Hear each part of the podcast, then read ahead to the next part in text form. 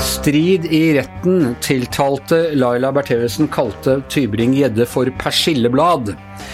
Og Donald Trump gjør det høyst usikkert av at han har tenkt å gå av dersom han skulle tape valget i november. Dette er Giæver og gjengen, og det er torsdag den 24. september. Ja øh, øh, Astrid, du har vært i retten i dag, og i dag brukte tiltalte Laila Bertheussen ganske harde ord om de som er vel de fornærmede i denne saken, nemlig ekteparet Tybring-Gjedde? Ja, det har egentlig skjedd en utvikling i Oslo tingrett sal 250 denne uka her. Jeg har i mange dager nå sittet og hørt på en ganske spesiell rettssak der det egentlig ikke er noe ekte fornærma. Eh, for den fornærma er jo samboeren til Laila Anita Bertheussen, og han er jo 120% på samboeren sitt lag. Eh, så har det liksom aldri vært noe splid der, og advokatene deres er jo bestevenner, ser det ut som, og det er jo ganske uvanlig, ikke sant. Eh, så det har ikke vært noe konflikt å spore sånn sett. De har hjulpet hverandre, de to partene som vanligvis er fiender. Um, og det er litt sånn som sant, når du skal selge et hus, og så har du bare én budgiver. Det, da skjer ikke noe. Og slik har det vært her i retten. Men i går forandra det seg, for da kom jo en ekte fornærma. altså Ingvild Smines Tybring-Gjedde og ektemann Christian Tybring-Gjedde, og det ble jo ja, plutselig med ett litt dårligere stemning. De to gamle venninnene er i krig, og da kan det bli litt mer alvorlig uh, for tiltalte. For da begynner partene å legge fram det som er uh, uheldig for motparten, uh, og da kommer det fram mer og mer. Men man må jo si at uh, i utgangspunktet så har jo Tybring-Gjeddene vært altså de, de har uh, søkt om en erstatning på et helt symbolsk sum. De har uh, lagt seg relativt lavt i sin hva skal du si, i sin klandring av, av tiltalte i saken? Stemmer, Anders. Og jeg tenkte jo det kanskje på forhånd at det var en mulighet for at uh, vitnemålet til det ekteparet uh, ikke nødvendigvis kom til å bli såpass ille for tiltalte Bertheussen som jeg syns det ble. da. Altså Her begynner uh, advokatene å se krangel. Eh, Elden, som er forsvareren for Bertheussen, vil legge fram mer av den chatteloggen som vi har hørt så mye om nå etter hvert, eh, i, i retten. Og eh, bistandsadvokaten til Smines Tybring-Gjedde protesterer heftig, så heftig at hele den saken ble utsatt til et annet tidspunkt. Um, og I dag så var det persilleblad da, fra Bertheussen, og det tror jeg nok var retta mot Ingvild Smines Tybring-Gjedde, som altså vitna i går og fortalte hvor forferdelig det var for henne å få trusler. Hun fortalte at hun var livredd, ikke torde å gå ut sjøl. Eh, la seg ned på alle fire og så under bilen før hun var ute og kjøre. Slutta å kjøre bil og måtte avlyse møtet og sånn. og Det er jo et dårlig vitnemål for Bertheussen, for det betyr jo det at eh, aktoratet eh, får inn et poeng til på akkurat det der med straffelovens paragraf 100 115, som er eh, angrep på de høyeste statsorganer, og det er jo det de vil ha fram med det. Eh, så når eh, Laila sier persilleblad, så mener hun sikkert at Ingvild Smines Tybring-Gjedde overreagerte på disse dette trusselbrevet, mens hun sjøl har forklart at det var småtteri, pøbelverk, ikke noe særlig å reagere på. Men er, det, er dette lurt av henne? For det, altså, det, styrker jo da inntrykket av at hun ikke har blitt så skremt av, uh, av disse truslene. Altså, jeg vil jo si at Tybring-Gjedde reagerer jo på en måte som mennesker som blir truet, ofte gjør. De blir nervøse, de ser seg rundt, de får uh, tryggheten sin, uh, sin, ødelagt. At det, det, er en ganske naturlig reaksjon. Er det lurt av hun Bertheussen og dermed retten å liksom eksponere at hun har ikke hatt de reaksjonene? Det er sikkert noen vanskelige avveininger her, fordi um, det alvorligste er jo strafferammen på ti år, som er altså for brudd på paragraf 115. Så det er det aller viktigste. Å komme seg unna og uh, skape mest mulig tvil om at det har skjedd et angrep på de høyeste statsorganer, altså type regjeringsmedlemmer osv. Um, det har jo tidligere vært dumma. Eh, det skal ikke noe mer til enn at du kaster en kake i en statsråds ansikt, så kan du bli dømt for den paragrafen. Så det er ganske tydelig at Tybring-Gjedde da blir mer forhindra i arbeidet sitt enn en som får en kake i ansiktet, selv om ikke det er noe detalj det heller, altså. Um, men det, du har rett i det, Anders, at, det, at det er en avveining her. fordi Eh, aktoratet bruker jo det for det det er godt, godt for òg, og viser til det at det var merkelig det at eh, Bertheussen var så uberørt av eh, disse truslene som kom flere og flere av. Eh, Hanne Skartveit, altså rent politisk så er jo dette her en helt utrolig spesiell sak. Det er eh, Det er samboeren til en justisminister som står tiltalt for å ha truet justisministeren. Eh, og også hans, eh, en av hans aller nærmeste kollegaer i regjeringen, hun som senere da ble samfunns- og, og sikkerhetsministeren. Og hun har ifølge vitnemålet i går eh, mistenkt at det var samboeren, hennes egen venninne, som sto bak, og gikk tjenestevei, ifølge henne selv, med denne bekymringen.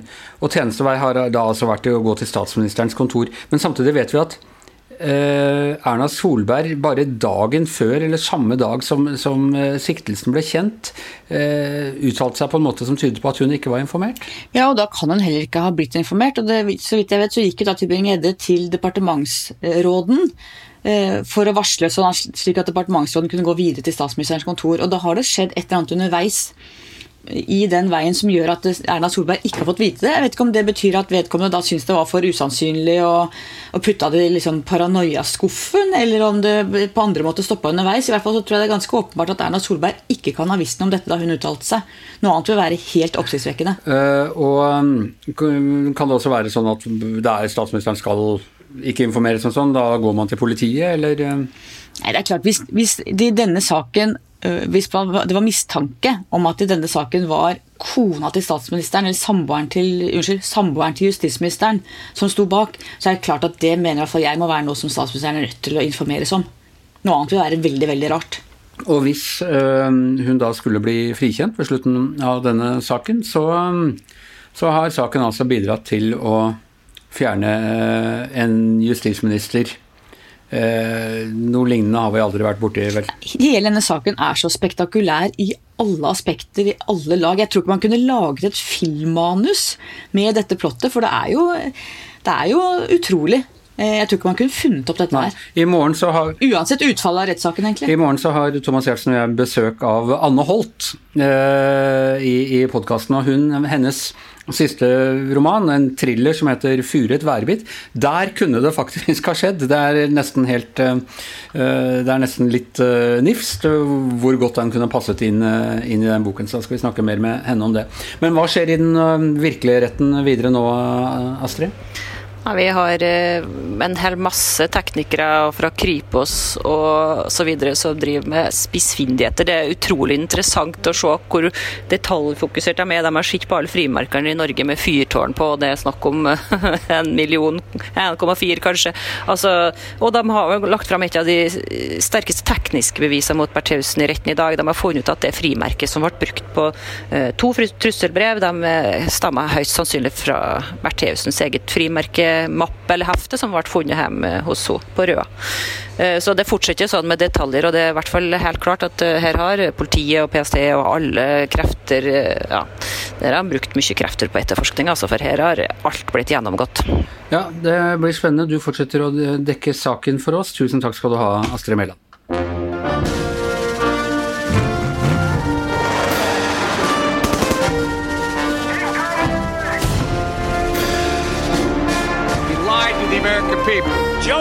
Is a weak person. Og da er vi i gang med eh, USA-dekningen vår. Eh, som jeg sa her om dagen, det er jo som å ha et fruktfat av saker eh, å velge fra når man skal dekke den amerikanske valgkampen for tiden.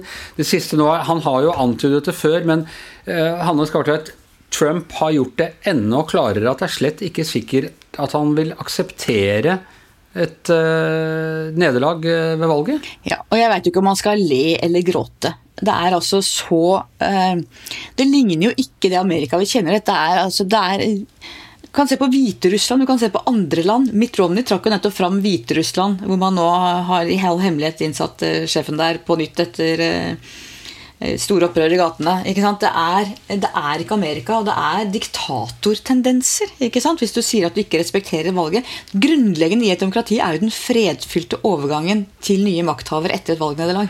Men altså, jeg tenker sånn, Hvis det hadde skjedd i Norge, eller rent statsvitenskapelig, når man da ikke er i et eh, når man da er i et demokrati. Hva skjer hvis, altså hvis Erna Solberg hadde nekta å gi seg, f.eks.? Hva er prosedyren?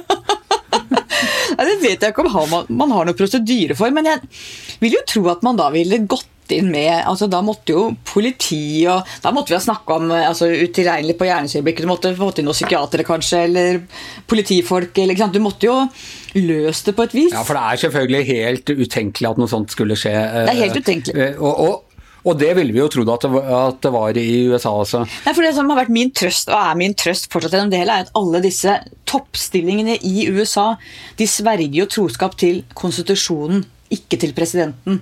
Og konstitusjonen er jo liksom den demokratiske plattform, det som hele USAs system hviler på. Så derfor vil jo de som har sverga troskap til konstitusjonen, være tro mot den og gå inn og fikse. Han som da blir sittende i Det hvite hus og sier 'ædda bædda vil ikke gå'. ikke sant? Ja, men samtidig så, altså Tidligere i høst så ble det jo ble det vel klart at eh, Forsvaret sa at de føler at eh, Altså US Army de, de, føler at det er ikke deres oppgave å avsette og innsette presidenter, så de legger seg ikke borti det. Så hvis man skulle komme i en sånn tvangssituasjon, er det Secret Service da, eller uh, Justisdepartementet, eller uh... Det er vel Secret Service. Det går vel historier om da Nixon var på sitt mest gærne og satt med den atomvåpenknapp-kofferten og eh, drakk og lalla og bare var helt eh, suicidal, at da var det vel litt sånn I hvert fall sies det, dette kan du bedre enn meg, Anders, at det var litt stående ordre om at hvis han var i ferd med å trykke på knappen, så måtte de bare gripe inn. At de hadde litt sånn sikkerhetsgreier i baklomma. Det er mulig at hun dykter fritt, altså. At de altså. nærmest skulle gå inn og, gå inn og skulle skyte presidenten. Nei, men at, i hvert fall at det var noe sikkerhetsmeasure. Dette må dobbeltsjekkes, dette er bare helt fra toppen av mitt ja. hode. Men jeg mener å ha hørt en gang at det var For han gikk jo helt ko-ko ja, i hodet sitt ja, på slutten. Men Trump har jo på en måte vært dette er jo på mange måter normaltilstanden, og, og vi kan jo selvfølgelig håpe at dette er en uh, At dette er, det er sånn han snakker. Sånn. Samtidig så har han jo vist at han har vært villig til å gå langt i å opptre på uortodokse måter. Ja, jeg har ingen tillit til han, men jeg har tross alt Anders, stor tillit til de som er rundt han, i hvert fall de som er der i embets medfør, som ikke er hans Steven Miller nei, og sånn? Ikke de som han har håndplukka som liksom sine politiske rådgivere, og det som er hans apparat, men det som er hva skal vi si, statsapparatet rundt han da.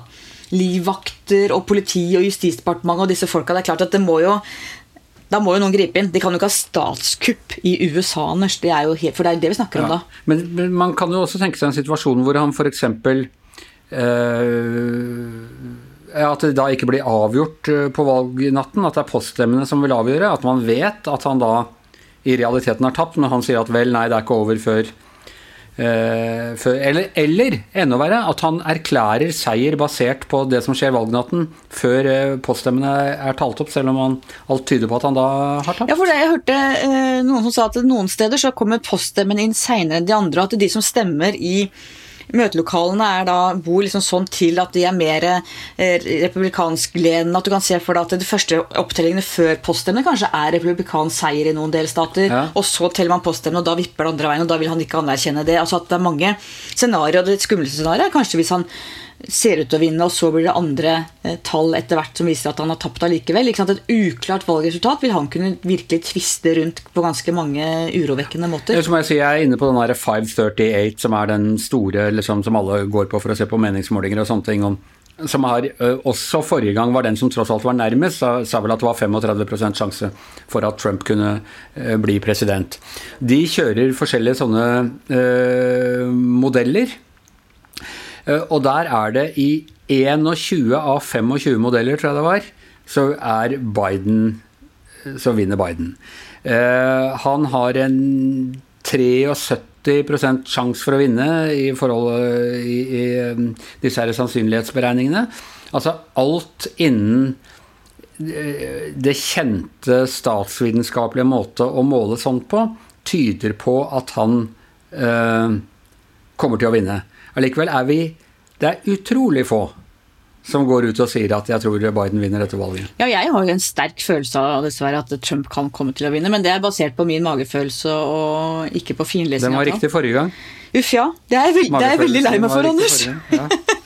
ja, ja. ja min, min, magefølelse tør ikke egentlig, egentlig si noe, men jeg, jeg har jo liksom en det viste seg jo sist at de meningsmålingene var ikke gode nok til å fange opp bl.a. Eh, det som skjedde i mer sånne rurale strøk og, og eh, blant folk som vanligvis ikke pleide å stemme og antagelig ikke snakker til sånne meningsmåling uh. Samtidig så var det jo Han vant jo på et ren sånn stang inn. Så det skal godt gjøres å, gjenta en sånn bragd, i og med at han ikke har klart å utvide basen sin så veldig mye på disse fire årene. Ja, og det som jeg tenker er spesielt urovekkende, er hvis han nå uh, taper eller blir uro, hva han kan mobilisere i gatene rundt i amerikanske byer.